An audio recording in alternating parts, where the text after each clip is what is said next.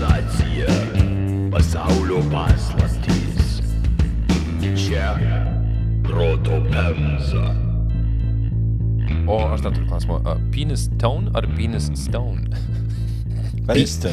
Peniston. Peniston. Penistanas. Ai, ten ne, ten ne tavo. Tarp Turkmenistano ir Afganistano.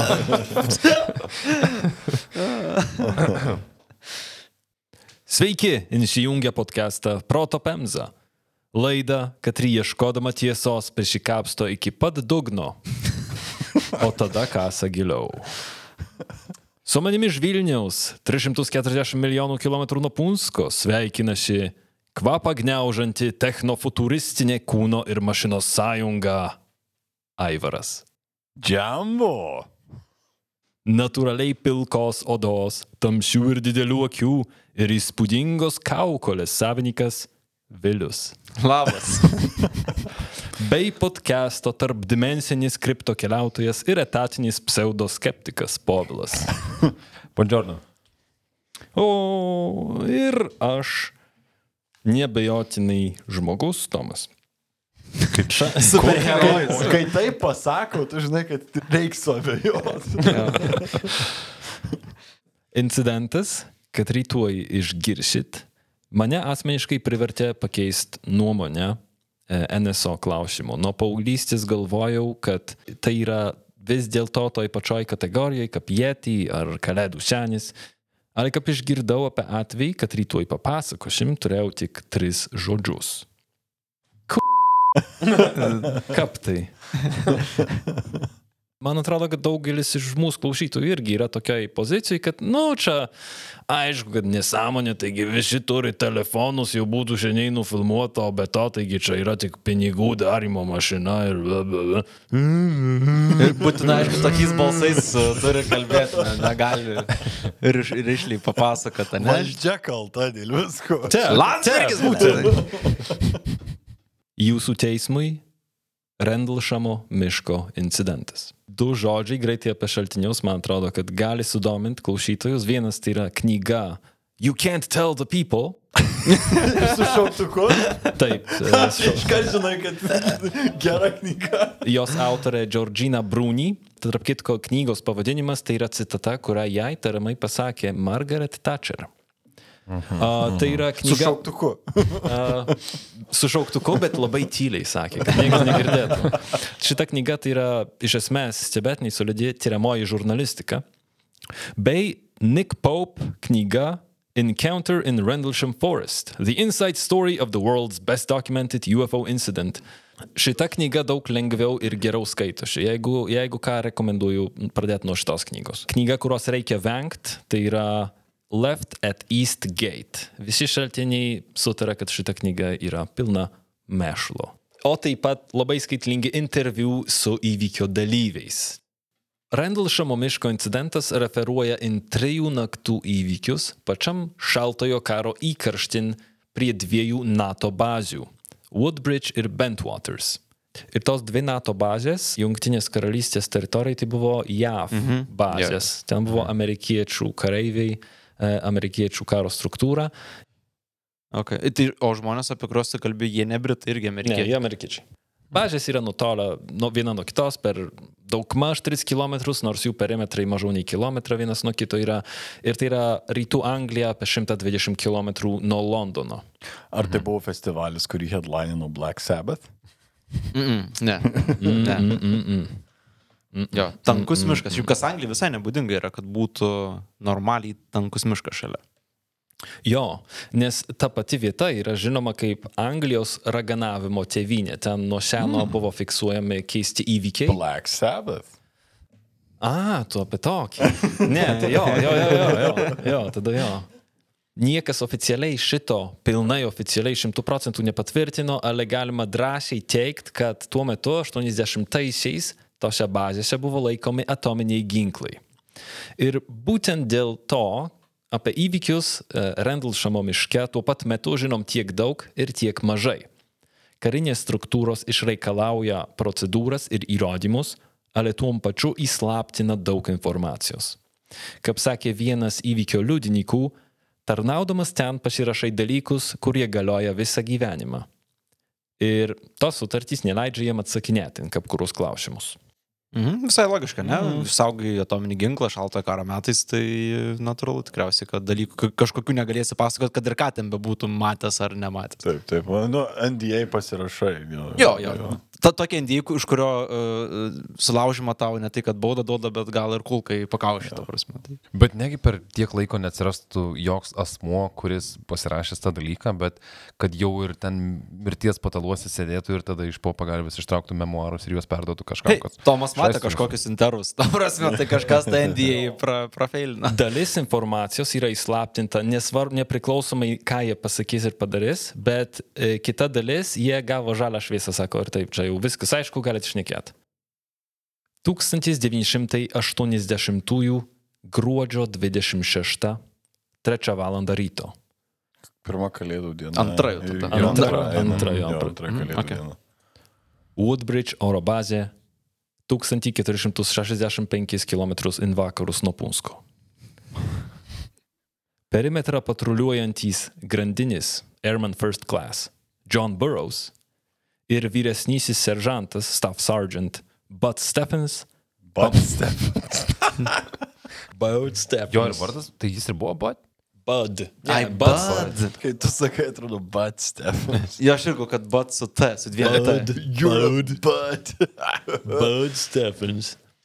Pamatė keistas šviesas miške tarp bazės ir oro uosto. Iš oficialaus Džono Baruso pareiškimo. Matėme žypčiančias raudonas ir mėlynas šviesas netoli rytinių vartų. Nuvykome arčiau. Ten pamačiau baltą šviesą, apšviečiančią medžius ir anksčiau minėtas mėlyną ir raudoną. Tada nusprendėme pakviesti pastiprinimus. Ir paaiškėjo, kad ten yra būrelis verslių lietuvių verdančių savanę miške. Po 20 metų jo, ta prasme. Tai jie dviese pamatė šitus dalykus. Jo. Nu, jie Okay. visur patruliuoja po du. Jeigu tai būtų vienas žmogus, aš automatiškai visiškai netikėčiau. Jo, Tai dabar natūralu. pusiau visiškai netikiu. Ir uh, privalau paklausti šito, kadangi 26 diena, tai po kalėdų, uh, ar yra informacijos apie jų intoksikacijos uh, Yra. lygį? Ir Yra? kiek Yra. jie nuogi buvo? Batniai. Tai atsakant į pirmą klausimą, absoliučiai blaivus už tai, kad tai buvo atominius ginklus mm. sauganti bazė, ten nėra erdvės, ten jokio, jokios paklaidos nėra, kad mm. tu gali būti kažkiek netinkamas tarnybai. Nuvažiuok į Rusiją. Čia šnekam apie NATO. Thank you very much. Vakarietiški standartai. O atsakant į tavo klausimą, Aivarai, buvo šalta. Tai Man tai nieko ir jie buvo, nesako. jie buvo apsirengę žiemai. Jie buvo apsirengę. Gerai. Atrodo lyg nukritęs lėktuvas ar sraigtasparnis, bet po pirmą tai visi visiškai nulis garso, nulis triukšmo, mhm. o visų antra atrodė lyg nusileido.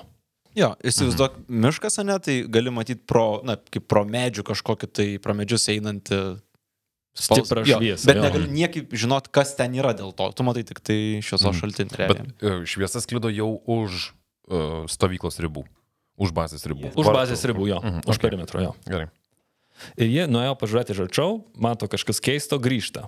Ir eida- eidami atgal prie vartų, jie atsigrįžę pastebėjo, kad viena iš šviesų juda paskui, vos ne iki miško krašto. Apie visą reikalą jie pranešė štabui ir gavo atsakymą laukti pastiprinimų. In vietą atvyko vyresnysis seržantas Jim Peniston su oreiviu Edward Cabansack. Du yra ant vietos, du dar atvažiuoja. Ir atvykęs Jim Peniston pašėmė kartu Johną Borusą ir Edwardą Cabansagą ir išvyko apžiūrėti šviesas iš arčiau. Artėdami prie objekto, Boruso, Cabansago ir Penistono racijos, tai yra radijos siūstuvai komunikacijai, ėmė striginėti, prarado ryšį.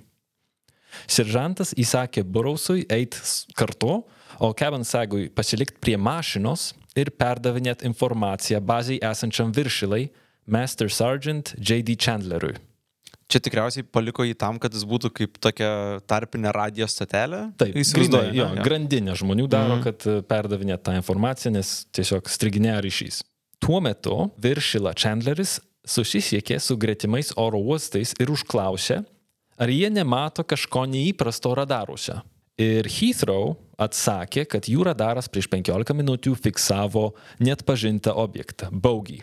Mhm. E, ta terminologija, kuris judėjo link Woodbridge'o oro bazės. Karinės oro bazės atsakė, kad ne, mes nieko nematom, bet vėliau interviu metu kitas dalyvis, Charlesas Holtas, sakė, kad privačiai radarų operatoriai sakė, kad jo, mes irgi matėm, bet už šitą informaciją mūsų kolega prieš e, dvi savaitės ar prieš mėnesį buvo išmestas iš darbo. Tai buvo vos ne leista suprasti, kad apie NSO yra nešnekama mhm. ir jie oficialiai mhm. nenorėjo prisipažinti. Čia tokia situacija, kur net jeigu tu pamatai kažką net pažinto, tylė, ne? Tyliai jo. Ir tarp kitko šitą informaciją patvirtino ir Georgina Brūny, išieškojus tuos radaro operatorius ir asmeniškai jų užklausius. A. Bet įdomu, kad viena karinė bazė su kita karinė bazė nesidalina, taip išeina informacija. Nes Heathrow pasakė, kad jie matė. Ne? Jo. O kitos dvi karinės bazės pasakė, kad nieko nematė. Nes operatoriai nenorėjo tikriausiai asmeniškai sakyti ne tai, kad bazė nematė, kad tavęs neatleis iš darbo ir nelaikytų debilų, nes tu vėl apie NSO kalbėjai. Jo, jo. Okay. Gavęs atsakymą, Chandleris išvyko link įvykio vietos, paliko tą štabą, at- atvažiuoja. O tuo metu miške siužetas čirštėjo. Priartėję prie proskynos, Peniston ir Burrows išvydo už daugmaž 50 metrų esantį metalinį objektą. Juos apėmė keistas jausmas.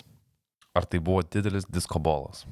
O, Man kartu atrodo, kad Mm. žmonės, kai sako, kad metalinį kokį objektą mato, mato atspindyti, nors jeigu kažkas blizga, mm. tai tu sakysi tikriausiai, kad uh, metal looking. Shit. Jo, Jo, jo, jo, kažkas to. Burrowso žodžiais. Viskas atrodė kitaip, kaip buvome tenai. Dangus atrodė kitaip, viskas atrodė kitaip. Mūsų aplankė keistas jausmas, tarsi viskas rodėsi lėčiau nei iš tikrųjų. Vėliau, kai objektas dingo, viskas vėl buvo normalu. Realu. Man atrodo, Jim Peniston interviu sakė, kad lyg eitų per vandenį. Mhm. Iš objekto sklido intensyvi balta šviesa, o miške ir netoli esančiam ūkin kilo baisus gyvūnų ir paukščių erzalys. Viskas aplinkui. Ja. Mhm. Kadangi ryšys su Kebansagu jau beveik nutrūko, nors praėjo kokį 50 metrų, kad išlaikytų komunikacijos grandinę, Peniston paliko Borausą tame atstume, kur jie stovėjo ir pats žengė arčiau. Tai žodžiu, jie vienas kitą mato, mhm. bet vienas iš jų eina arčiau. Kokiu atstumu yra e, tas, kuris lieka vietoje? e, Apie 50 metrų nuo, nuo objekto. objekto, ne? Jo. Okay. Įsielektrizavęs oras pašiaušė plaukus ant galvos ir odos. Gyvūnai išsilakstė ir seržantą gaubė mirtina tyla. Penistinui, kuris beje dalyvavo ne vienoj sudužusių lėktuvų pargabenimo misijoje, daiktas nepriminė nieko, ką iki šiol buvo matęs. Iš 20 metrų atstumo kariškiai pradėjo ryškėti daugiau detalių. Daiktas atrodė kaip juodas trikampis iš stiklo, tai yra trikampė prizmė, apie 2-3 metrų pločio ir 2-3 metrų aukščio. Iš objekto viršaus ir dugno sklido balta šviesa, dešiniai mirgėjo mėlyna, kairiai raudona šviesos. Šviesos, rodos, sklido iš pačios medžiagos. Ne lempos, bet iš audinio. Kadangi seržantas tikėjosi nukritusio lėktuvo, jis su savim pasiėmė fotoaparatą. Čia buvo standartinės procedūros dalis. O be to turėjo ir visur su savim nešiojusi užrašų knygutę. Knygutėj jis nupiešė tą objektą. Ta prasme, čia yra piešta tuo metu, kai... Tuo metu, Tuo metu. kai jis tą, ten buvo ir tai matė, jis šitą kažkaip jie gerai piešia visą laiką. Čia tau gerai nupiešta? Taip. O jis ėjo ratu kažkaip, kad taip apipiešė, nes čia 3D labai. Jis apėjo aplinkui visą okay. daiktą. Ne, bet kaip drąsu turi būti, nes tu tolsti nuo Borauso. Ne? Ir tu tiesiog eini tolyn uh, mm. dokumentuoti, kaip visas šitas dalykas bet žinai, kareivis, kuris saugo teritoriją, jo toks realiai darbas. Tai Okay. Ir nenuspalvino, čia jau vaizduoti palikti. Spalvok, jis juodas yra tas daiktas. bet švietė spalvos iš kur tada? Iš pačios Mhm. mm. medžiagos, iš kurios mm. buvo padarytas tas daiktas. Mhm. Okay. Man tai panašu į, nu, sakyčiau, kad Torto gabalėliai tokie. torto gabalėlis, bet kaip ir, nu, kadangi jau šnekam apie kažkokius žem, nežemiškus dalykus, tai gal ir pritempčiau iki kažkokio tai erdvėlaivio. Nors ta pači, pačioj kairiai tai tokia uh, griežtų formų uh, fake vagina, biškit, atrodo. Jo, Bet, tas taip. Bet kartu ir primenu tokį Jetsonų type of uh, Jo, vieno jo, žmogaus jo, jo. erdvėlaivį, žinai. Ypatingai tas iš šono. Bet šiaip jo, kai būtų uh, torto gabalėlis su kūgiu, su triufeliu ant, ant viršaus uždėta. Jis taip pat atpiešė mišką, iš kur matėsi šviesa ir netgi spėjo žemėlapį greitai padaryti, kad galima būtų suprasti, kurioje vietoje yra tas uh, objektas. koks šaunuolis šiaip. Tai žodžiu, visiškas kareivio procedūrinis mąstymas, kas mm -hmm. kur yra, kad galima būtų atgamyti, netgi jeigu kažkas rastų patį tik Taip. tai sašivinuką. Nice. Tai šiaip nėra didelis tas erdvėlaivis, čia toks kaip zondas iš didesnio erdvėlaivio. Nu, kaip šitas nelyg būtų. stalas. Nu, dar didesnis, biškai. Jo, ir viršų. Nu, jo, okay. Jis apžiūrėjo objektą iš visų pusių 360 laipsnių ir nepamatė įėjimo, nepamatė jokio virinimo ženklų, jokių sriegių, jokių cvekų. Nulis. Nebuvo jokių atvartų, propelerio, nebuvo jokios turbinos, sparnų, solidi juoda mhm. stiklo masė.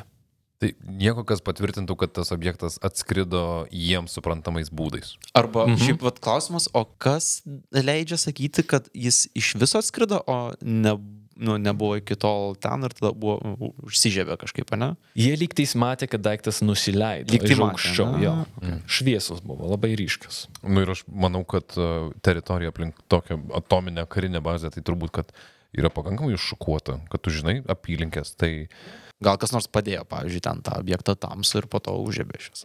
Palapinę pastatė. Bet tada viskas pasidarė dar keiščiau. Už tai, kad ant objekto vienoje vietoje jis pamatė keistus simbolius. Simbolių jis nežinojo, ale jie jam pasirodė kabutėse keistai pažįstami. Made in China. uh, Anglija anglams.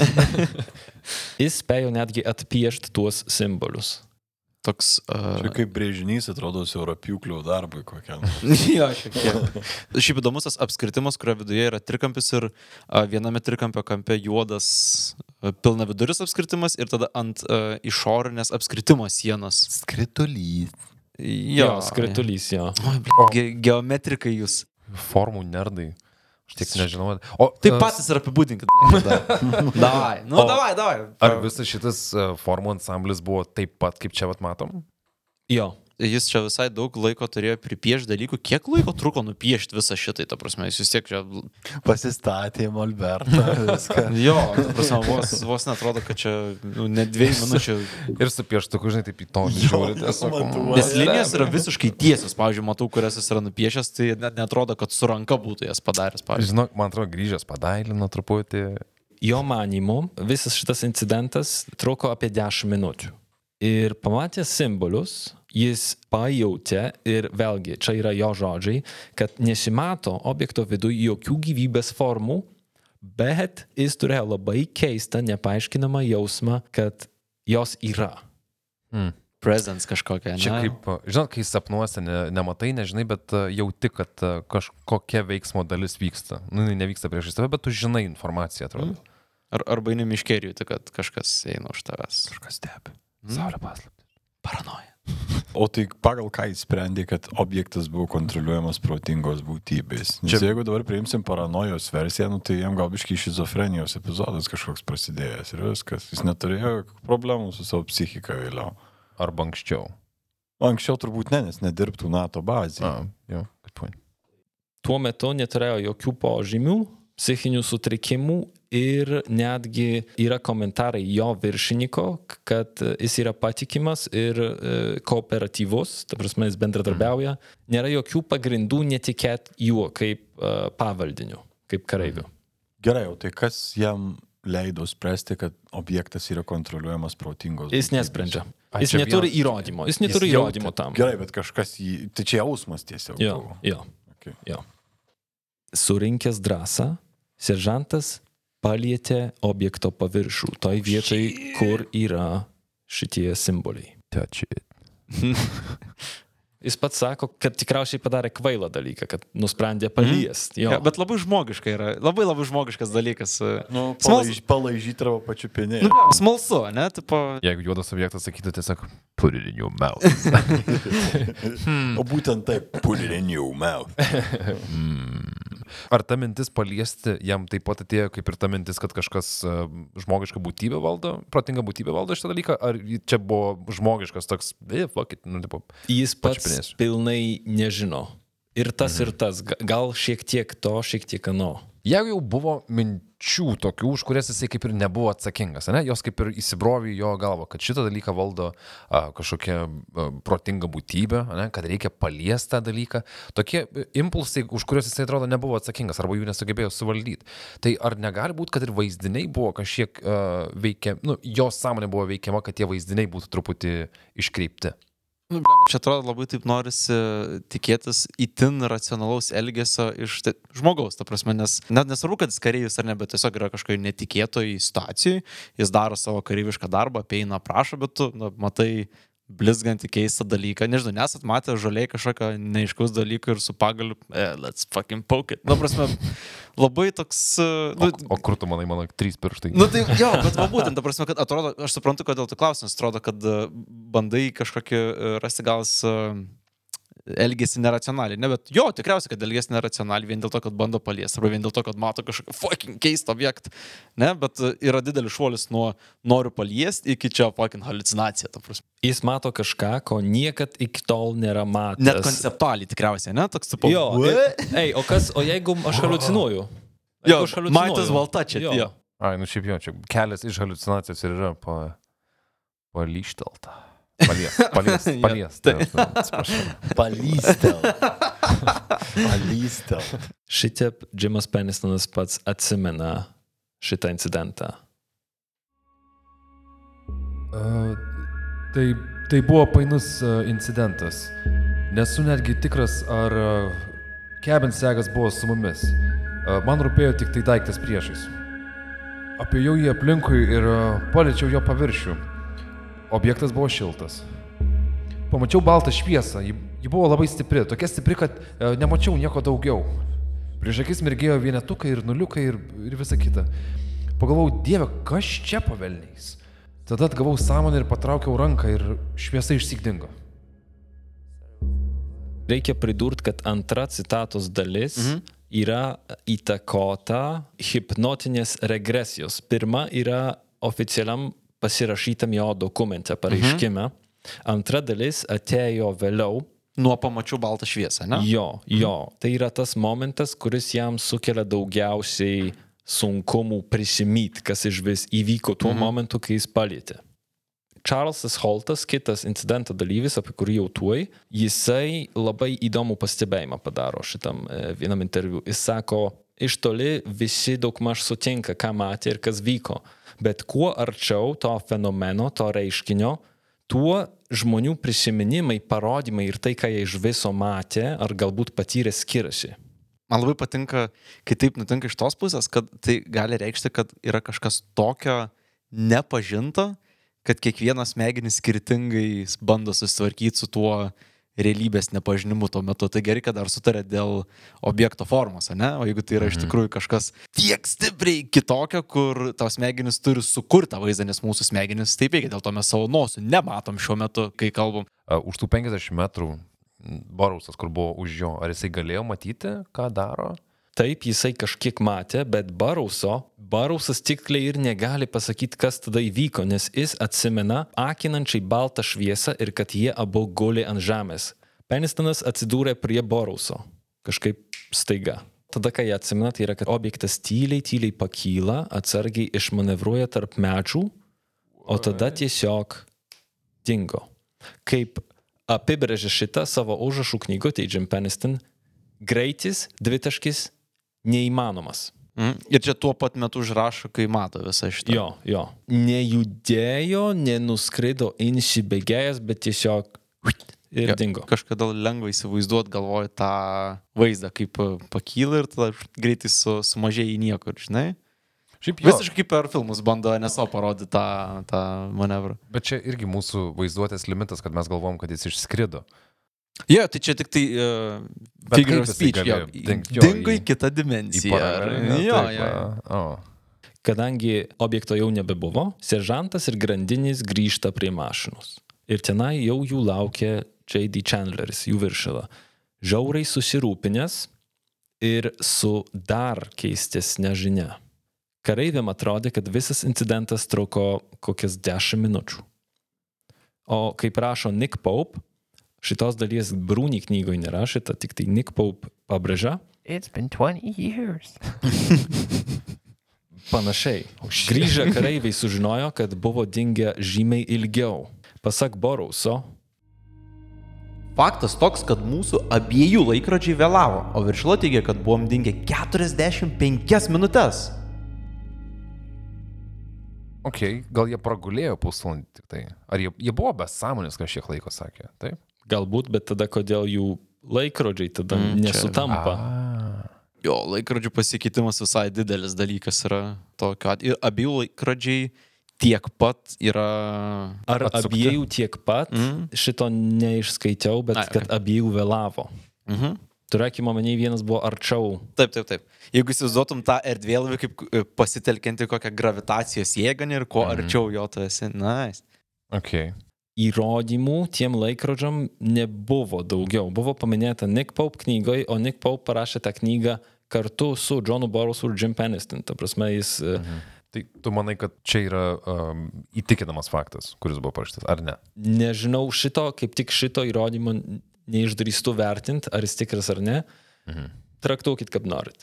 Tikrai visur ir interviu ir Brūny knygoje jie teigia, kad jiem atrodė, kad tiesiog dingo laikas. Kažkiek laiko jų, jų sąmoniai dingo, nėra to incidento iškirptas, atrodo. Mhm. Ir tada jie pastebėjo dangui daugiau spalvotų šviesų už ne visai kilometro. Nu ir gerai, eina visi per mišką, paskui tas šviesas, stebėt, kas ten dangui skraido. Sekė jas kokius 3 km, kol ir tos šviesos dingo ir tada vis, visi nusprendė grįžti į bazę ir atraportuoti nakties įvykius. Kiek bendroji sumoje prabuvo laiko išėję nuo įvykio, sakykim, pradžios iki tol, kol grįžo? Apie kokį laiko tarpą? Apie 2 valandas, nes tie 3 km mm. pirmyn atgal suvaikščiot irgi Taip, taip, užtruko. taip. Ok, tai visai didelis e, įvykis, dvi valandas yra ir nebūti, ir daug ką reportuoti yra Jo. yeah. nemažai. Okay. po kelių valandų jau prašvito, jau jų baigėsi pamaina. Ir prieš grįždami namo, Peniston ir Boraus grįžo apžiūrėti tariamos nusileidimo vietos. Mhm. Tenai žemėje jie rado tris įdubimus, apdegusius medžius ir lūžusius šakas ten, kur objektas nusileido. Tai yra inšalušiai gruodžio pabaigos žemėje jie rado e, tris duobes, daugmaž 4 cm gylio, kurios sudarė beveik uh, lygiai kraštį trikampį, viena nuo kitos. Ir vyram tai buvo ženklas, kad jie neišprotėjo ir neišsigalvojo praeitos nakties įvykių. Mhm. Seržantas dar ir nufotografavo tą vietą dienos šviesoj ir visą juostą nunešė ant bazėje esančią fotolaboratoriją. Maža to, jis ten grįžęs taip pat ir padarė gipso liejinius tom duobėm. Aš matau, kaip jo galvoj formuojasi tas, aš tikrai turėsiu įrodymą, ta prasme, nieks tikrai, tikrai nesakys, kad aš debilas atsineša kanistriuką su gipsu, ta prasme, kad išsinos lėjimus pasidaryti. Tai e, įsivaizduok, kiek jis jau prieš tai turėjo būti prisišnekėjęs nesąmonių, kad jau dabar tokių priemonių. Aš įsivaizduoju CSI tokį, uh, kai muzika skamba ir tas intrapas kietina, mes kalbam čia gipsą. uh." Ten kokias nors anglijas rado, šitos anglijas randama tik tai Ruandos pietuose. Kitą dieną Jim Peniston atraportavo viską bazės vadui, leitenantui Tedui Konradui. O po to Konradas sakė, kad uh, seržantė eikit atraportuoti viską dar dviem specialiem agentam. Paskalos, baime ir samišis pasklido bazėje, kaip dūmai iš užkišto kamino. Gruodžio 27 dienos vakaras. Woodbridge'o oro bazė, baras Woody's. Woody's baras oro bazėje buvo pilnas.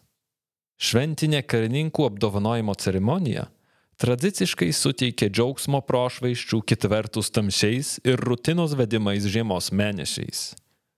Muzikoje ištirpusią kalėdinę atmosferą nutraukė staiga atbėgęs leitenantas Bruce England. Jis žengė tiesiai pas bazės vadą, pulkininką Tedą Konradą ir pavaduotoją leitenantą pulkininką Charlesą Holtą. Englando veidas - baltas kaip kovo 11 maršas. Leitenantė pulkininkė. Tai sugrįžo. Kas sugrįžo? NSO. Holtas ir kiti karininkai nujautė, kad situacija slysta iš kontrolės ir nusprendė kartą ir visiems laikam užkirst kelią visom paskalom ir pasakom. Nu dabar tai jau tikrai, nežinau, filmuoti. Nusprendė asmeniškai apžiūrėti įvykio vietą. Dabar girti jau visi. Ne. Tai Išgėrė. buvo bazės vadas ir pavaduotojas. Jie negali sauliaisti, jie vis dar vykdo, jie yra darbe tuo metu. Okay.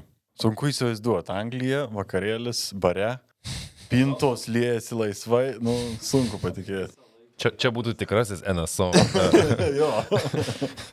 Visą laiką galioja tas nenumušamas argumentas - atominiai ginklai. Ir bazės vadovybė, net, sakykime, dar jeigu paprasti kareiviai, tada jo, faktas, kad tikrai geria, ta prasme, bare, obviously. Dažniausiai, kaip šalių visi tie paleidimo punktai būdavo padaromi, kad vienas žmogus negalėtų paleisti tom mm. ginklo, nereikia dviejų žmonių. Tai bent dviejų blaivių žmonių Jo. reikėjo. Tai va čia šitie du ir buvo. Jo. Holtas įsakė nuvežti vietą lampas, surinkti žmonės, paimti fotoaparatus, gaigero matuoklį, o pats pašėmė kišeninį diktofoną, porą kasečių ir baterijas. Kaip man patinka jų pasiruošimas ir kaip visi veiksmai, kai a, šitas Penisonas nupaišė viską, ten prifotografavo, atsimė tiesiog žiūrėjo ir stebėjo, kad liktų tiem, kam reikės papasakoti, o ne tai, kad tiesiog stebėjo ir žiūrėjo Stargeizino visą laiką. Sutikė tokio papildomo, vat yra diktofono, kad kažkas pasijėmė, kažkas piešti mokėjo per 10 minučių tiesiom linijom ir, ir panašiai. O gal yra, kodėl diktofoną, ta prasme, Holtas su savim turėjo įprotį nešiotis diktofoną ir kai Agent apeidavo... Cooper. E, Jo, panašiai, kaip e, grinai, jis šitą netgi palyginimą padaro. E, Jo, jo, jo. Dėl to, kad jisai apeidamas bazę, savo rutiną įprasta, dažnai šnekėdavo ant diktofoną, tada kasetę įteikdavo savo sekretoriai, kad Ai. jinai galėtų raportą iš to sukurti, jam nereikėtų rašyti. visiškai kaip per Twin Peaks tada. Okay. Mm. Jo. Note to self. Next time, in my butt. Fotoaparatas. Turiu. Gaigerio matuoklis. Paėmiau. Žibintai. Yra. Užtankuoti. Užtankuoti. Čipsai. Ką? Čias čipsai. Ar paėmė čias čipsus? A? Čias čipsai. Paim bestseller. Paim bestseller mix. Jame yra patys perkamiausi ir labiausiai pamėgti traškučiai. N18 skoniai, geriausių daržovių skoniai, jau legenda tapęs sal... Jau genitalė. Salda. Jau legenda, tap... jau legenda tapęs saldus popkornai ir dar daugiau. Leitenantė pulkininkė, informuoju, kad nėra vietos mašinai. Ar išimt lempas? Ne problema. Čia pristato čipsus į visas šalis, bet kur kur esi tu ir kur fiksuojamos keistos šviesos dangui. Randulšemas, Angel Holmas, Emilyčinas, Valonija, Žilina. Leitenante, Taip, leitenantė pulkininkė. išsiųsk rinkinuką ir pulkininkui Konradui. Su atvirute ir kaspinu, tuos kur su gift boxais eina. Tik nepamiršk nuolaidos kodo. Protas 30. Pirmas 3 dienas 20 procentų nuolaida, o vėliau 15. Protas 30. Puslapyje chesschips.com. Sir, yes, sir. Miške Holtas jau aptiko keliasdešimties kareivių grupę saugančią perimetrą. Tarp jų buvo ir pirmos nakties dalyvis Jonas Burrousas. Lempos kažkodėl neveikė, tai e, Čarlzas įsakė e, seržantui Adrian Bustinza parvežti jom degalų, nes tai buvo lempos, kurios buvo nu, degala, degalais varomos. Nelaukdamas šviesų, štai jau supyko, kad tos šviesos neveikia, jis e, pašėmęs patrulį išėjo apžiūrėti pirmos nakties įvykio vietos. Tai patamsi ieškojo kažko? Turėjo žibintus. O jie atėjo dėl to, kad kažkas pasakėm, kad grįžo šviesos, tai atvaro šviesų nėra, ne? Jo, jo. Fuck, varom, tada apžiūrėsim, kad jau esam čia, ne? Ir tas eilinis saik. Girtas. Tai pirmos nakties proskinoj Geigerio skaitiklis parodė neįprastai aukštą radiaciją inspaustoj žemėj ir medžių nudigimuose. Kas nėra gera naujiena esant greta atominį ginklą turinčios bazės, ne? Nes gali būti, kad pavoja kas nors atominį kūrą, pavyzdžiui, arba vyksta kažkokia kontrabanda, dar kas nors tokio. Okay. Ir paaiškina šiaip, kodėl jie iš vis turėjo tą Gaigero mhm. skaitiklį. Su savim pašėmęs anksčiau minėtą diktofoną, jis įrašinėjo, ką mato ir kas ten vyksta. Ir šitas įrašas beje yra viešai prieinamas internete. This is uh, to the number one indentation where we first got the strongest reading. It's similar to what we got in the center. Tai žodžiu, jie eina per mišką. Mm-hmm. Up to what, seven? What? Just jumped up to uh, seven tenths there. Seven tenths right there in the center? Seven tenths. Čia jie. We found a small blast, what looks like a blasted or scruffed up area here. Ir jie čia vietoj vietoj, kur buvo vakarykščiai įvykiai. Jo, ir jie komentuoja Gaigero skaitiklio parodymus. What Or seven... Seven units, let's call it on the 0.5 scale. Jie pakankamai susiparinę dėl to, kad fiksuoja radiaciją, ne? Yra, nes iš balso atrodo visai nustebę, kad, uh, Jo. kad tai vyks. Ir jie komentuoja, kurias vietas konkrečiai matuoja. Mhm. O kas čia tokie matuoja? Nes jie amerikietiško akcento kalba. Taip, čia, čia Holtas e, kartu su savo patruliu, su kareiviais. Jo, ir bazį vieną amerikiečiai. Jo, ai, jie tai- amerikiečių bazė. bazė. We are getting some... You're getting rains on the tree you're taking samples from on the side facing the suspected landing site. Four clicks max. Up to four. Interesting. That's right where you're taking the sample now. Four. That's the strongest point on the tree? Yes, sir. If you come to the back, there's no clicks whatsoever. No clicks at all on the back. It's all on the side facing the... Tai skirtingose vietose skirtingi parodymai. yra. Jie akivaizdžiai fiksuoja tose vietose aukštesnius parodymus negu uh, fonas. Ir tai negalėjo būti vakar dieną buvusių kareivių palikti radiaciniai pėdsakai kokie O, o nors. čia jau prabėgę yra 48 valandas nuo pirmo incidento. Daug maž. Okay. Mhm. Bet, ei, čia atominio ginklo bazė, prisiminkim gi šitas atominės kelnes Dietlavę ir taip toliau, Mm. kad gali būti priežasčių, dėl ko atsiranda radiacija. Bet čia nėra tai. Faktas tas, kad duobutėse radiacija žymiai didesnė nei kitur, ant medžių, kur yra, kurie nubrūžyti, nudegyti, irgi radiacija yra žymiai didesnė. Nu, sukuria vaizdą, kad ten, kur prisilietė erdvėlvis, ten buvo didžiausias radiacinis fonas. Būtent. Galbūt jie nėra labai dideli, tie radiacijos kiekiai, bet jie yra pats faktas, kad jie yra didesni negu fonas, yra jau reikšmingas. Kažkur 7-10 kartų didesnė negu fonas. Ta radiacija. 7,10. Nuo 7 iki 10 kartų didesnė. Jie ten apžiūrinėja tą vietą, žymi, visas įrašas trunka 20 minučių, kuris yra YouTube. Ir mes girdim, kaip jie apžiūro tą vietą, kaip jie ją apsaugoja.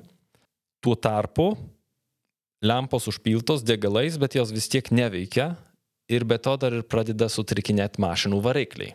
Tokia chrestomatinė neso uh, istorija. Gal atsitiktinumas, gal, Gal. nežinau, nu, mašinos genda. Žodžiu, jie apžiūrinėja tą vietą ir staiga, patruliui žygiuojant su žibintais, tarp medžių pasirodė krepšinio kamulio dydžio spindintis objektas, kuris atrodė kaip raudona akis su juodu vyždžiu.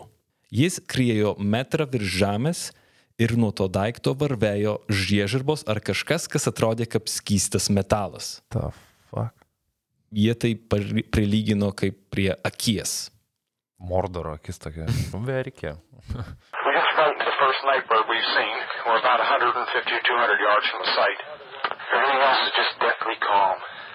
There's no doubt about it. There's some type of strange flashing red light ahead. It's yellow. I saw yellow tinge in it too. Weird.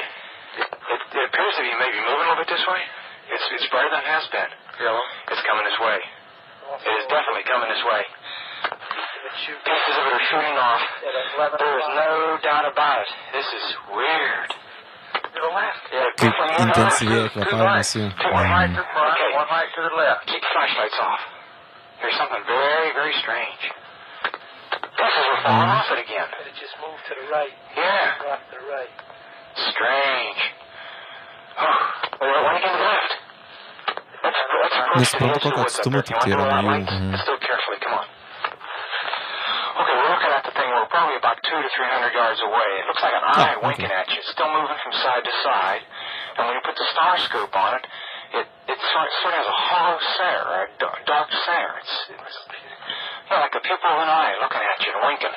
And the Jo, tai žodžiu, jie mato kažką, kažkokią šviesą, kuri juda. Taip. Eyes without a face. Ja. Šiaip a, labai gražiai literatūriškai visai papasakojo, mhm. tokiu... a, Strange. Weird. Kai jie mato, jaučiasi, ta, kvepavimo intensyvumas yra tai, kas iš Mhm. tikrųjų užduoda susijaudinimą. a, Kai pasako, kad link jų atrodo juda, tai taip, taip, girdisi, taip kad prasideda. jų Jo. jo. Iš jų. Kaip interviu sako Čarlzas Holtas. Maniau, kad ten kamuolinis žaibas. Daiktas atvyko į patį mišką, judėjo horizontaliai tarp medžių, svyruojant aukštyn žemyn, kad išvengt kavienų ir šakų. Tad objektą kontroliavo kažkas iš išorės. Jis vengė medžių. Jeigu vengia medžių, nelyg supra, nu, ne gamtos reiškinys, kuris tikriausiai skristų keurai kažkur, ne, o mm. kažkas, kas vengia kliūčių. Ai, šiais laikais būtų tiesiog labai labai creepy dronas. Jo, jo, visiškai tai. Holtas paklausė Borauso, ar tai yra tas pats objektas, kad trys matė pirmą naktį. Borausas nebuvo tikras. Tad Holtas išsiuntė jį kartu su seržantu Adrian Bustinza apžiūrėti daiktą iš arčiau. Iš Borauso interviu 2018 metais. Štai ką atsimenu. Mes bėgome link objekto, o tada bus tinza krito ant žemės. Aš prieėjau arčiau ir nuo to momento neatsimenu nieko daugiau. Adriano istorija tokia, kad matė, kaip įeinu į objektą ir dinkstu. Tiesiog pradingstu. Šitos dalies Holto įrašą nėra. Čia kalba yra apie, apie objektą tą mirksinčią akį. Taip. Damn. O kodėl bėgo į jį? Čia buvo samoningas veiksmas? Holtas išsiuntė du savo kareivius. Eikit pažiūrėti iš arčiau, kas ten yra. Maladės Holtas. Like a true captain. Deleguok užduotis. Mm. Ir Borusas šitą prilygino prie Star Treko. E, tą dingimą, kaip, kaip uh, tie uh, phasers, man atrodo, Star Trek'e, nu, teleportuoja žmogų, kad jis tiesiog dingo. Gerai, kad tokie laikai, kur yra pilna pop culture visokių. Jo, bet iš dalies taip, nes gali, turi žodynai jau apibūdinti tą Jo, prieš minus 50 metų, neturėtų kaip tą pasakyti tikriausiai. Čia yra irgi tokia vieta, kur yra labai paini. Georgina Bruni savo knygoje šito irgi taip detaliai neaiškina. Jį susikaupė ant tų faktų, kuriuos jį gali verifikuoti su dokumentais, o interviu laiko kaip ir patvirtinimu to, kas yra Dokumentas. kieti faktai, jo, dokumentas. Ir Holtas neigia, kad įvyko kažkoks tai dingimas ir apie tai irgi pašnekėšim. O Holtas nematė šito? Holtas neprisipažįsta, kad šitas dalykas vyko. Okay. Jis matė tą akį, mhm. bet kad būtų išsiuntęs Borausą ir Bustinzą, jis nešneka. Ir čia apskritai buvo labai didelis klaustukas, ar tas Bustinza iš viso čia buvo, ar jis dalyvavo, nes jis šitas įvykio dalyvis dingo, kaip akmuo į vandenį. Ne per įvykį, ta prasme, vėliau dingo. Tiesiog dingo iš viešo gyvenimo. A. Bet knygos autorė Georgina Bru- Bruni surado pakankamai įrodymų, kad patvirtyti, kad jo jis tikrai buvo tą naktį ten ir net randa visam Holto įrašą vietą, kur girdėt tą bustinzą ir netgi buvo nuvykus pas jį pasitvirtyti. Ir bėda yra, kad bustinza bendrai paėmus nenori turėti nieko bendro su Rendlšamo miško incidentu ir nori jį pamiršti. Smart guy, tikriausiai. Mm. Ir tai yra aiškinama tuo, kad jis vėliau dirbo su valstybės saugumu, jo karjera tęsiasi toliau ir jisai... Tai jo, smart guy tikrai tada. Jo. Filmai įsivaizduoju, kur atvažiuoja pas jį tą brūnį namus ir uh, I'm here to talk about Rendlesham. Ir jis toks būtų per tą savo screen door, kai jau pagaliau atidaro toks senelis. I haven't heard that name in 20 years. Tai žodžiu, nepriklausomai nuo to, ar jie dingo ar ne, akies matymo paneigti negalim ir šitą Holtas irgi visuose interviu pripažįsta ir lygiai tai, kas yra girdėt įrašą, jis tą ir patvirtina. Išėję iš miško, kareiviai, kurie buvo šikiu su Holtu ir nebuvo palikti saugot perimetro, išėjo paskui šviesas, kurias vėl pamatė dangui. Tris švytinčius objektus, kurie vykdė keistus manevrus. Po kokio laiko tie trys objektai susijungė į vieną. Tada iš pietinės pusės, pasak Holto, milžinišku greičiu atskrėjo dar vienas objektas, kuris sustojo daug maž kilometrą nuo žiūrovų, o tada iš niekur nieko paleido link jų pieštuko storumo šviesos stulpą. Toks okay. Kaip lazeris, bet mhm. lazeris jis palieka tik tai tašką. o ten matėsi viso ilgio šviesos stulpas. Daugmaž metrą nuo vietos, kur jie stovi. Ir tai nebuvo rūko diena kokia, ar miglos, kad, na, matytus lazerio šviesa tiesiog kaip būtų per... Bet tai buvo balta šviesa irgi. Bet, ta prasme, nebuvo kažko, ta prasme, nebuvo, nežinau, vandens garų ar kažko tokio, kas leisų tai šviesai būti matomai. Papildomų elementų. Nu, jo. Apie tai jie nieko nesako. Okay. Mhm. Oi, čia Okay. Anglija, pachmo garas nuo visos šalies, man atrodo, nepasitraukė pakankamai ilgai. Yeah. Ir tie pats staigiai, kaip atsirado, šviesos stulpas dingo. Ir po to tas objektas pradėjo leisti tokius pačius šviesos stulpus, ale į kitas pušes, į kitas vietas. Ir vykdyti rodos fizikos dėsniam prieštaraujančius manevrus, keisti savo formą, tai kamuolys, tai pusmenulis, tai grybas.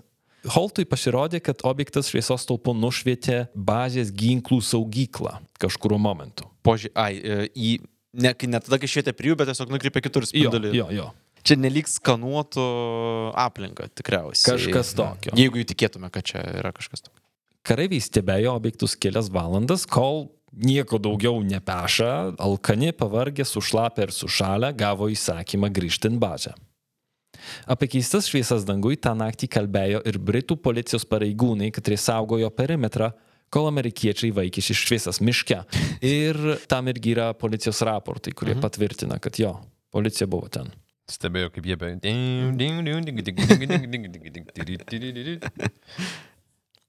Kitą dieną leitnantas pulkininkas Čarlzas Holtas atraportavo viską bazės vadui Tedui Konradui ir intikė jam kasetę su įrašu kaip įrodymą. Tuo pačiu jis pagalvojo, kad, jam, kad čia yra jo karjeros pabaiga. Niekas nenorėjo nieko bendro turėti su NSO. Čia buvo, kaip jis sakė, career killer. Galim tik įsivaizduoti, kaip intensyviai burzgėjo biurokratinė kariuomenės mašina, kol incidentas pasiekė dviejų žvaigždučių generolą Wing Commander Gordon Greg Williams. Wink Commander.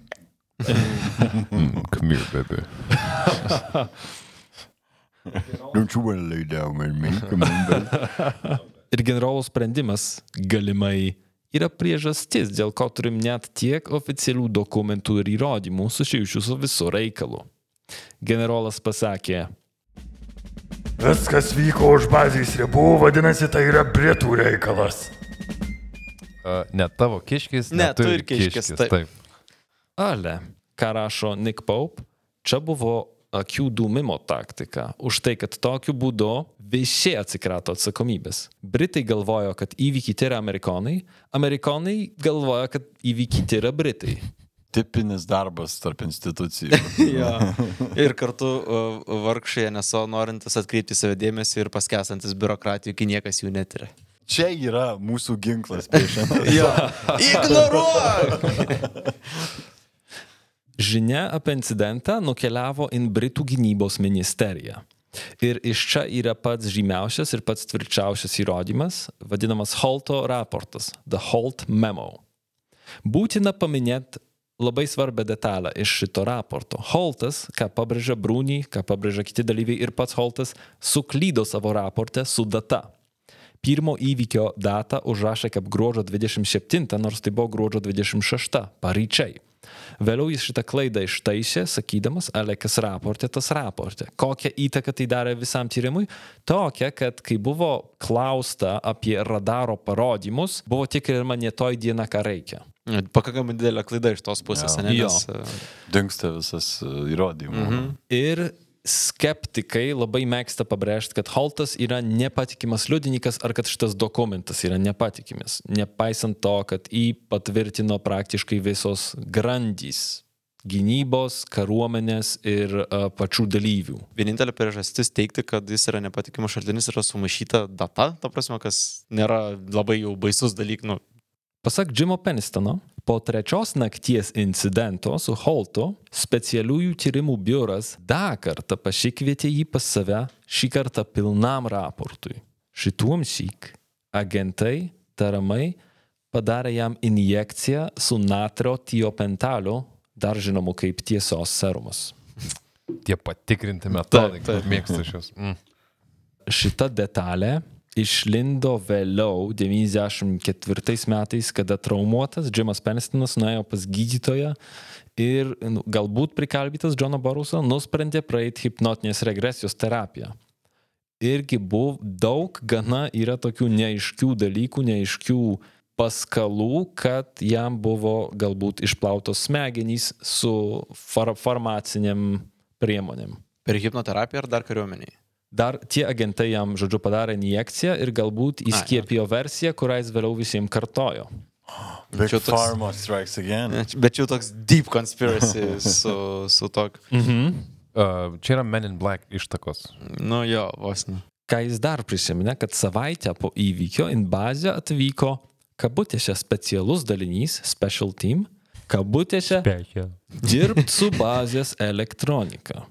Ir šitą ir patvirtina kiti dalyviai. Ta komanda, specialus dalinys, nenešojo karinių uniformų, o civilių aprangą ir vėliau pasirodė, kad tai yra iš Langley atvykę CŽV agentai. Žinoma, kaipgi, kaipgi be šito. Su, jo, su tamsiais akiniais turbūt viską. Tikrai nesu Hooverio baltų kostiumu. Peniston, Burroughs, Cabensack, Chandler, jiem buvo įsakyta pasirašyti pareiškimus. Ir visiems pasakot, kad tas, ką jie pasirašė, yra tikri įvykiai. Ir tie oficialūs dokumentai, oficialūs pareiškimai irgi yra paviešinti, irgi juos galima apžiūrėti, juos patvirtino dalyviai, bet įdomybė, ką jie taip pat ir sako. Sako, kad aš jo savo rankom nerašau, man buvo pakištas, kad aš jį pasirašytau. Mhm. Kodėl ir tai yra įtikinama versija dėl to, kad pareiškimą įprastai yra rašoma su uh, tušinuku savo ranka, o ten viskas yra spausdinimo mašinėlė surašyta. Trafaretas, ta prasme. Jo. Ir kai jie pasirašė tuos pareiškimus, dokumentų ir įrodymų susijusių su šita byla, tą pačią savaitę atvyko į bazę pasiimti keturių žvaigždučių generolas Charles Gabriel. O, bet kas pasidarys, kai penkių žvaigždučių atvažiuos?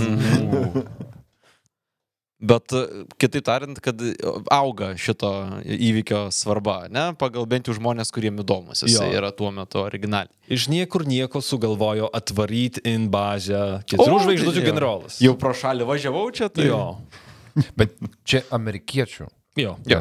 Turėjai specifiškai galbūt dėl to važiuoti. Nu, arba kažkokios bazės Vokietijoje. Iš Vokietijos. Ar... Jis tiksliai iš. Vokietijos atvarė, iš bazės Vokietijoje. Ten buvo pagrindinė vadovybė JAV e, Europoje. Jo, he, had to break a, a, meeting tam, kad, uh, kad susitiktų su, kad atvyktų pasimti šitas informacijas. BRB. Taigi, kokius įrodymus turim? Turim e, visų pirma Holto, e, Holt memo, tą Junktinės karalystės gynybos ministerijai pateiktą oficialų dokumentą. Turim rašytinius Boruso, Penistono, Kevinsako, Chandlerio, Halto parodymus, katros interviu metu jie irgi patvirtino kaip atitinkančius tiesą, bent jau dalinai. Pasirašyti oficialūs dokumentai. Turim Jimo Penistono piešinius, turim policijos nuovadų raportus, turim visą 20 minučių Halto audio įrašą su paminėtais Geigerio skaitiklio parodymais. Taip pat turim Brūnį pateiktą sąrašą, kada kieno pamaina bazėje buvo ir itin skaitlingus dalyvių interviu. O tą ūkininką arba gyvulius irgi apklausė, ar čia jį per mažo rango? Ūkininką taip apklausė, apklausė ir civilius. Arklių užkalbėtoje atsivežė. A, pasirašyk.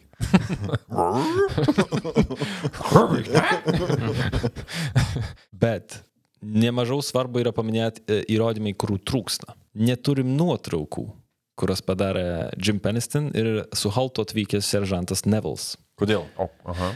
Fotolaboratorijos teigimu, ir čia skirtingai yra pasakyta. Bruni rašo, kad Penistonui buvo pasakyta, kad neišėjo tos nuotraukos ir jis jų nematė niekada.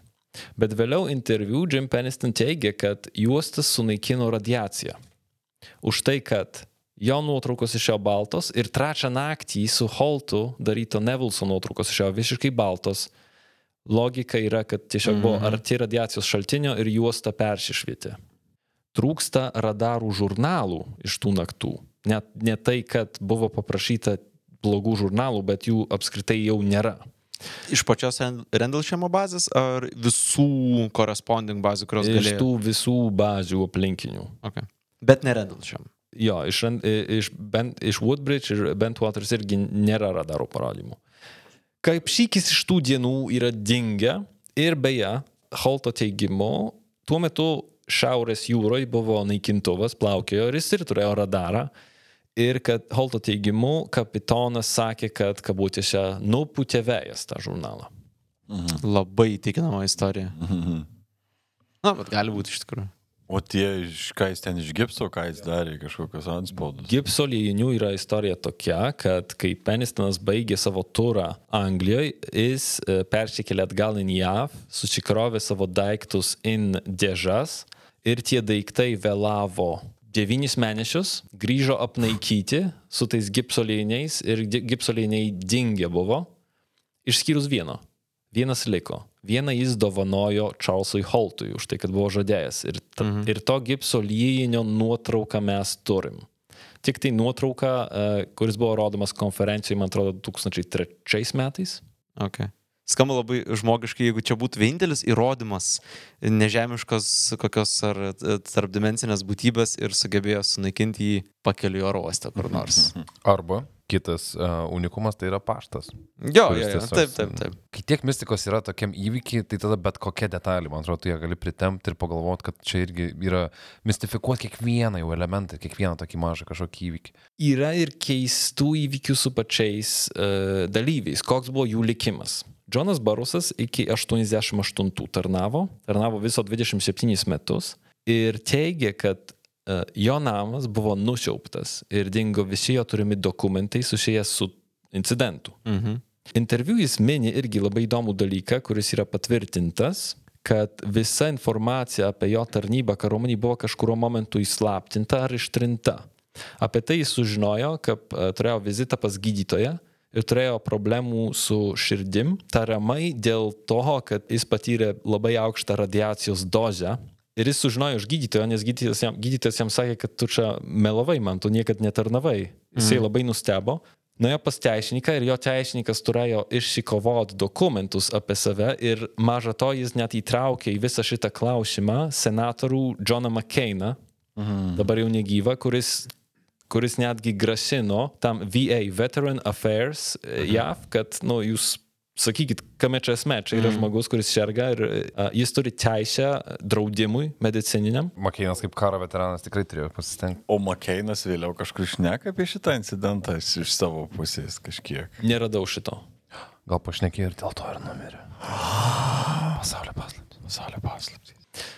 Edward Cabensack iš pirmos nakties, tas arčiausiai mašinos, jis tarnavo kariuomenėje iki 85 metų ir vengė viešų par- pasirodymų, ale knygos autorės teigimu noriai dalinosi informaciją. Jis į kažkokias konferencijas nevažinėja, a, knygų nerašo. Ką jis ten visiškai prie mašinos prastovės? Būtent. būtent. Trečias brolis Jonas. I know a guy who knows a guy. Adrian Bustinza dingo iš viešo gyvenimo, tarnavo iki 82 ir tada įsidarbino teisingumo departamente. Teigė, kad keletą metų po įvykio jis buvo stebimas slaptų tarnybų. Charlesas Holtas tarnavo kariuomenėje iki 91, tarp kitko Europoje, Pietričių Azijoje ir JAV, ir buvo paaukštintas galų gale iki Bentwaters bazės vado. O 2016 išleido knygą pavadintą The Holt Perspective 800 puslapių solidžių įrodymų. Uh, į kurią pusę įrodymų? Tiesiog, kad buvo toks įvykis, kad matėm šviesas ir... Tiesiog sako, štai ką aš mačiau, mm. čia yra įrodymai, kad patvirtinti tai, ką aš mačiau. Okay. O Jimas Penistonas, jo likimas kiek įdomesnis. Jis tarnavo iki 93, atsistatydino su 27 orderiais, military honors, tarnavo Vietname, kara įlankoj ir teigia, kad po įvykių Rendlšame jis kentėjo nuo potrauminio streso sutrikimų. Iš dalies dėl to, kad susilaukdavo grasinančių skambučių, apnaikytų pašto siuntinių, adarinėtų laiškų, siuntų, o netgi rado namie pas save blakę prie telefono. Čia tik priminsiu, čia tas, kuris paaišė. Mhm. Jo. Ale seržantui Džimui Penistonui incidentas nesibaigė gruodžio 26-80-aisiais. Jo istorija pakrypo dar keistesnė linkme, apie ką pasakojam idėjų komposto epizode mūsų patronams. Aš vis dar manau, kad pagramantė yra tikėtinas. Ei, ten transporto priemonė irgi buvo užpulta. Taip. Coincidence. Va, kad, kad bazė būtų turėjęs kokį kleboną, Kleboną, tokį ištikimą. O tai, palauk, kelių žvaigždučių klebonas buvo. Aukščiausias prabas buvo. Aukščiausia, ne, ne, stambiausio kalibro. Klebonavęs Vietname, klebonavęs įranko, į, kara įrankoje. Patikimas. Klebonavo netgi Korejai. Šiaurės, ne pietų. Prie, prie jo gaigerio skaitiklis aimanuodavo. Ar žinojai, kad už kiekvieną like ir subscribe Povilo balsas išsiplečia šimtadaliu oktavos? Mums baisiai daug reiškia. Kiekvienas komentaras bei žinutė Facebook'e, Instagram'e ar tiesiai in protopemza etagmail.com. Patronai už mažiau nei dantų pastos kainą per mėnesį gauna papildomo turinio iš epizodų iškirptų momentų ir užfiksuotų akimirkų žavingų. A ir da. Patikrik linkus po epizodų. Dažnai būna nuolaidų ar kitų akcijų. Kviečiam, kviečiam.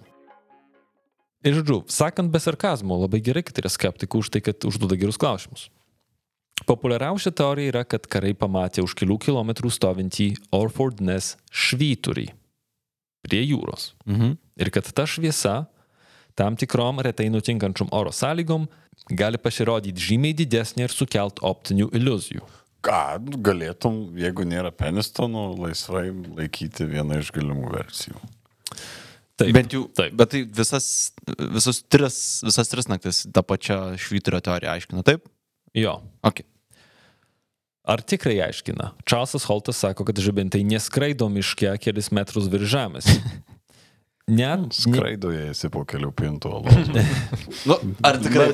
Let's- Jo. ok, net nekreipiant dėmesio ant liudijimus, e, in sausumą yra nukreipta tik tai raudona žibinto šviesa. Tai yra fiziškai neįmanoma, kad būtų kitokios spalvos ten. Žalia ir oranžinė matosi tik tai nuo jūros pusės. Taip pat šita teorija ignoruoja šviesas dangui, pėdsakus miške, radiaciją ir faktą, kad jos sukelia ant kojų NATO bazės personalą tris naktis iš eilės. Pasak skeptikų, pėdsakus miške analizavo miškininkas Vince Turkettle, kuris beje pirmas sugalvojo teoriją apie švyturį. Ir žodžio miškininko teigimu, tos duobės tai buvo triušių iškapstytos duobutis. Kokiu radiacijų. Radioaktyvių triušių. Apsileng, atsilengvino, nu ir... Kokiu černobiliniu kopūstu. Prisišėrė radioaktyvaus kūro iš bazės. Arba, arba, žol, arba žolė, kur yra šalia ten silaus kokių ar kažko. A, Vėliau, triušiai tuose kraštuose žinomi kaip mėgėjai pagraužti raketinio kūro. Taip. Tokio. Visur jie, taip, ta prasme, čia. A, čia jų. Well known fact yra. Jie daugiau niekam ir neegzistuoja. Nu, taip. šitam tikslui. Taip. Bėda ta, kad Taromo nušleidimo vietą Vincas apžiūrėjo tik tai praėjus keturiom, aštuoniom savaitėm po fakto, kada akivaizdžiai jį buvo nusiaupta, kažkas jau ten apsilankė. Ir svarbiausia, Čia, čia tie, kur stovi prie šiukšledį. Tie patys, prasme. CŽV tas atvyko, Įpratęs nuo vaikystės. O porą bačkų pasidėsim. Ir svarbiausia, Džordžina Brūnį rašydama sužinojo iš miškininko, kad jis pats netiki švyturio teoriją. Tai Jis kam siūlai, ko netiki? Jis ją pasiūlė kaip, nu nežinau, kas ten buvo, gal švyturys, kažkas, žurnalas pagrėbė, Švyturio teorija. faktas jo. Ir, Front ta- ir jau visi kartoja. New leads. Kita teorija yra, kad sieja šviesas dangui su meteorais tą naktį nukritusiais ant Žemės. Be meteorų tariamai tą naktį į Žemės atmosferą nukrito ir eksperimentinis rusų palydovas Kosmos 749. Ale kaip skaitom Britų astronomų asociacijos žurnale, švytintys objektai naktį iš gruodžio 25-6 tariamai palydovo kritimo metu buvo matomi ne tik iš Anglijos, bet ir iš Vokietijos, Olandijos ir Belgijos. Ale pagal jų skaičiavimus tai buvo neįmanoma, kad būtų matoma iš tų keturių vietų. Kritimo kampas toks, kad neįmanoma būtų jo pamatyti iš jų. Kitaip sakant, turėjo būti kažkas daugiau. Be to, šitą teoriją nepaaiškina antros ir trečios nakties. Taip pat sklando teorija, kad čia buvo praktinis bairis. Mhm. Kad kažkoks tai vienas iš kareivių atvarė su mašina 79 metų Plymouth Voler Lazeriais. Jo, ir, ir žibino savo miške. Ale pagrindinė problema su šita teorija yra tokia, kad tas kareivis, kuris sakė, kad darė tą bairį, Kevin Condy, jis net nedirbo baziai tom dienom. Jis net negalėjo prieiti tenai. Ei, kai padarai praktinį bairį ir jisai nueina va tiek to, no, tai man atrodo, turi sakyti. nebuvo. Bet kur kitur buvau? Ne, jis sako, kad buvo. Dokumentai sako, kad nu, nušišneki. Neįmanoma. Okay. Ai, kad, nu, kad, kad negali būti, kad jisai tą bairį padarė. Jo. Okay.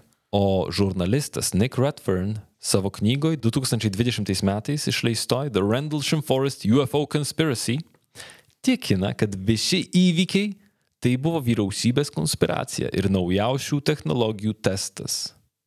Kaip skaitom jo straipsnį. Visa situacija tai nieko kito kaip neįtikėtina bauginanti išbandymų serija. Išbandymų, kuriais buvo siekiama pamatyti, kiek stipriai žmogaus protas pakantus manipulacijoms, bei e, kaip šios technologijos galėtų vieną dieną suvaidinti svarbų vaidmenį mūšio lauke.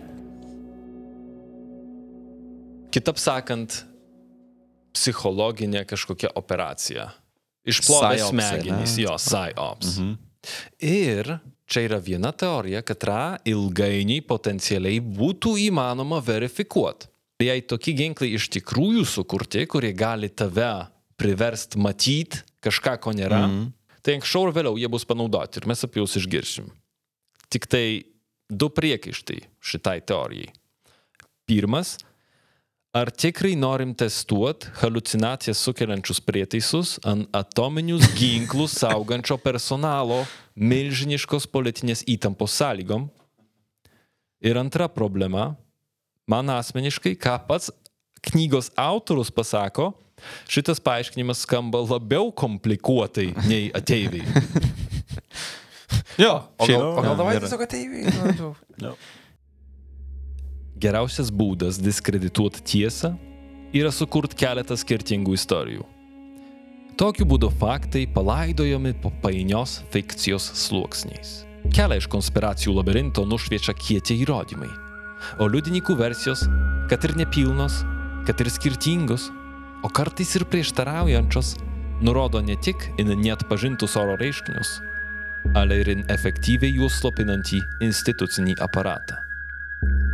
Ir nors Rendlšamo istorija nepateikia atsakymo, ar esam vieni beribiam kosmose, verta kartais sustot, nusiramyti ir pažvelgti į dangų. Ba nežinai dienos nei valandos, kada iš anapus užuolaidos ir vėl myslingai nusišypsos stulbinančios pasaulio paslaptys. Pasaulio paslaptys. Wow. Bet tikrai wow. Čia net nesityčiodamas sakau, uh, wow. Jo, smagu atnešti šitą istoriją į, į Lietuvą plačiau biški. Ir pradžioje, kai sakiau, kad gal šitą istoriją pramuš, tai kažkiek prakrapštė. Šiaip ir man, kaip aš dažniausiai netikiu, man dažniausiai visos tos istorijos yra nesąmonės, bet aš taip pi- pilnai sutinku, kad, kad ten kažkas vyko ir čia tiems, kas yra visiški, nu, skeptikai tų dalykų, tai turbūt vat, geras taškas pradėti. Ne kokie nors Rosvalai, Jo, ne, jo, ne būtent. Petro Zavodskas, ne kažkokie ne. keisti dalykai, bet būtent šitą istoriją. Nes tu, tu turi įrašus, tu turi, nu tikrai ir liudijimus, turbūt nebuvo taip, kad visi žmonės turėjo problemų su paranoja ar kažkuo mm. panašiu. Visas skepticizmas remiasi viena prielaida, kuri man yra labai sunkiai priimama. Tai yra nurašyk liudijimus žmonių. Visiškai nekreipk dėmesio į žmonės. O kai padarai tą, tada nekreipk ir fizinius rodymus, irgi dėmesio. Jo, iš esmės, nes tu jūs po vieną tada savo išjungi. Visas nu- nutikimas yra žiauriai įdomus ir jis man lygiai taip pat kaip tau buvo tas, kur sugražino atgal į... Į akiratį, ne? Mm, jo, nes aš turėjau labai vaikystį dėl sužavėjimą su UFO, tada buvo tas periodas, kur, nu, jau išaugo tipo, ir po šitos istorijos buvo tas, kur... Dabar prasme, NATO bazė. Karininkai yra, yra garso įrašai. Ko, ko darė? Ne, tai reikia tik paaiškinimo. Viskas. Jo, nu reikėtų video medžiagos, dar kažko tikriausiai, bet, žinai, žiūrint dabar, kai gyvenam šito metu, kai uh, pernai ar užpernai tas TikTok video išpublikavo kaip a real thing, kuriuo domisi karinės oro pajėgos, kažkaip atmesti tiesiog, kad ten buvo visiška nesąmonė, daros toks, tipo, e, rimtai, tipo, visiškai įsivaizduoti, kad uh, tiek daug žmonių, tiek daug laiko po to, kai tai nutiko, kartoja, kad tai yra bent jau kažkas keista kaip minimum, um, jo, tikriausiai. Ar ten ateiviai, ne, nežinau, niekas nežino, tikriausiai niekas nesužinos ilgainiui, bet kažkas pakankamai spūgi, tai, fuck, jo, visiškai. Ir tas yra žavu iš tam tikros pusės, nes nu, parodo, kad apie šitą pasaulį arba apie tai, kas dedasi šitam pasaulyje ir labai realia prasme turbūt vis dar yra ką išmokti ir sužinoti. Pasaulio Tas yra- paslaptis yra a real thing. Taip, taip, kad Yra karinė bazė. Ateiviai, nu ne ateiviai, NSO domisi atominiais ginklais visame pasaulyje. Tai visus tuos checkpointus kaip ir atitikta. Turim kelias, vėlgi, kaip ir Dietlavė, man atrodo, tik tai dalinai dalykus paaiškinančias Jo, teorijas. jo, jo, Tai tas visiškai. truputį, jo, truputį erzina, nes čia, aš nežinau kodėl šiandien, bet ar dėl to, kad tai yra, nežinau, amerikiečiai ir britai, gal dėl to aš kažkaip labiau pasitikėjau tais įrodymais ar kažko, nežinau kodėl, taip, taip. negaliu paaiškinti šitą. Nes, žinom, nuotrupas tokias ir tas kažką paaiškina, tas virš kažką paaiškina, bet vis tiek tai nepadaro mažiau keistos tos istorijos. Ir aš nesijaučiu toks skeptikas čia. Aš nežinau, kas tai buvo ir nelabai galiu paaiškinti ir savo galvoje, aišku, ieškosiu atsakymų dar uh, ilgai, bet Gerai, kad pasakai, kad savo galvoje, tai reiškia, daugiau neskaitysi tikrai. Busted. O kaip tu manai, Tomai, kas čia buvo? Taip, kaip minėjau pradžioj, mane šitas įtikino, kad yra kažkas tokio, kas nėra pripažįstama. Arba tai yra ateiviai, arba tai yra technologija tokia im prieki, kad vargu ar ji buvo išrasta kažkurios tai vyriausybės žmonių. Tikrai ne Sovietų sąjunga. Jeigu ne, būtų reikėję tą prizmę padaužyti ir tada jinai būtų išskridus. Trankt gerai ir tada.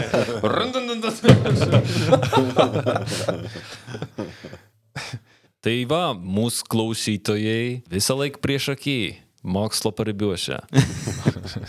išvirkščioji tiesos pusė. Tai kviečiam dalytis, klausyti, komentuoti. Kaip visada. Jo, followingit Iššifruot. mus, kur tik duodasi. Dalinkitės, pasakykite apie mus, ateikite Patreoną, ten turėsim 20 plus uh, turinio vienetų, jeigu nedaugiau. Ir kitų nuostabių perksų. Įdomiai skamba turinio vienetas. Aš nežinau, kaip kitaip pasakyti, skirtingų laidų, kurias kuriame tik jums. tai gerai, tai ačiū. Viso! Iki! Iki. Iki. Ir be abejo mūsų kviečių želmenų kokteilio lygio Patreonam. Haiku. Jei nesi kviečių želmenų kokteilio lygio Patreonas, užsidenkausis. In mišką tamsų. Klausytojas žingsniuoja. Baidosi šviesų. Gerai, mėginam. Ačiū Mindaugui Simonui Gyčiui, Vitalijui Edvardui Andreliui, Aleksandrui Arūnui Vytautui, Elvitai Dariui Arnoldui, Žydrūnui Arūnai Raimondui Mantui Gaudentui Martinui, Godai Ufonautui, Ogniai Medai Jorindai Mikalojui Pavlui, Simonui Ritai Mykolui Medai Gretai Medeinai Austėjai Viliai, Brigitai Remigijui Ainui Evelinai Ingridai, Gretai Gabrieliai Ingridai Grigučiui, Gretai Vaidui Viktorijai Žygimantui, Šarliai Evelinai Škimelytei Žilvinui, Egliai Vaidui Beneckui, Gintarai Irenai Daivai Mariui Gyčiui, Daliai Andrai Lukui Laurinui, Mindaugui Domantui, Aidui Justinui, Darui Gintui, Martinui Sauliui Kestučiui Viliui, Rolandui Danui, Žygimantui Šarūnai Edgarui, Gražvidui Edvinui, Gabijai Dovydui, Mariui Tomui, Romkai Video Panklinui, Virginijai Justinai Pavlui, Smaidroniui Simonui, Henrikui Davidui, Linai Gabrieliai Gediminui, Gintai Silvijai, Edgarui Robertui Domui, Richardui Mantrimui Simui, Rimantui Donatui Mantvidui Karoliui, Edi Andriui Mikui, Sauliui Ninskaitai Marijai Mantui, Elenai Audriui, Šarūnui Agnijai Anastazijai Skirmatijai, Sandrai Mildai, Raimundui Mindugui, Marijui Gedrui, Gvidui, Simui Mariui, Kūgui Mūgui, Gabrieliui, Juliui, Vytautui, Rasai, Karoliui, Aistijai, Jurgitai Kerniui, Mildai, Benui, Mindaugui, Simui, Tomui, Giedrai, Laurai, Arvydui, Rokui, Benui, Pauliui, Giedriui ir Doviliai. Dėkui.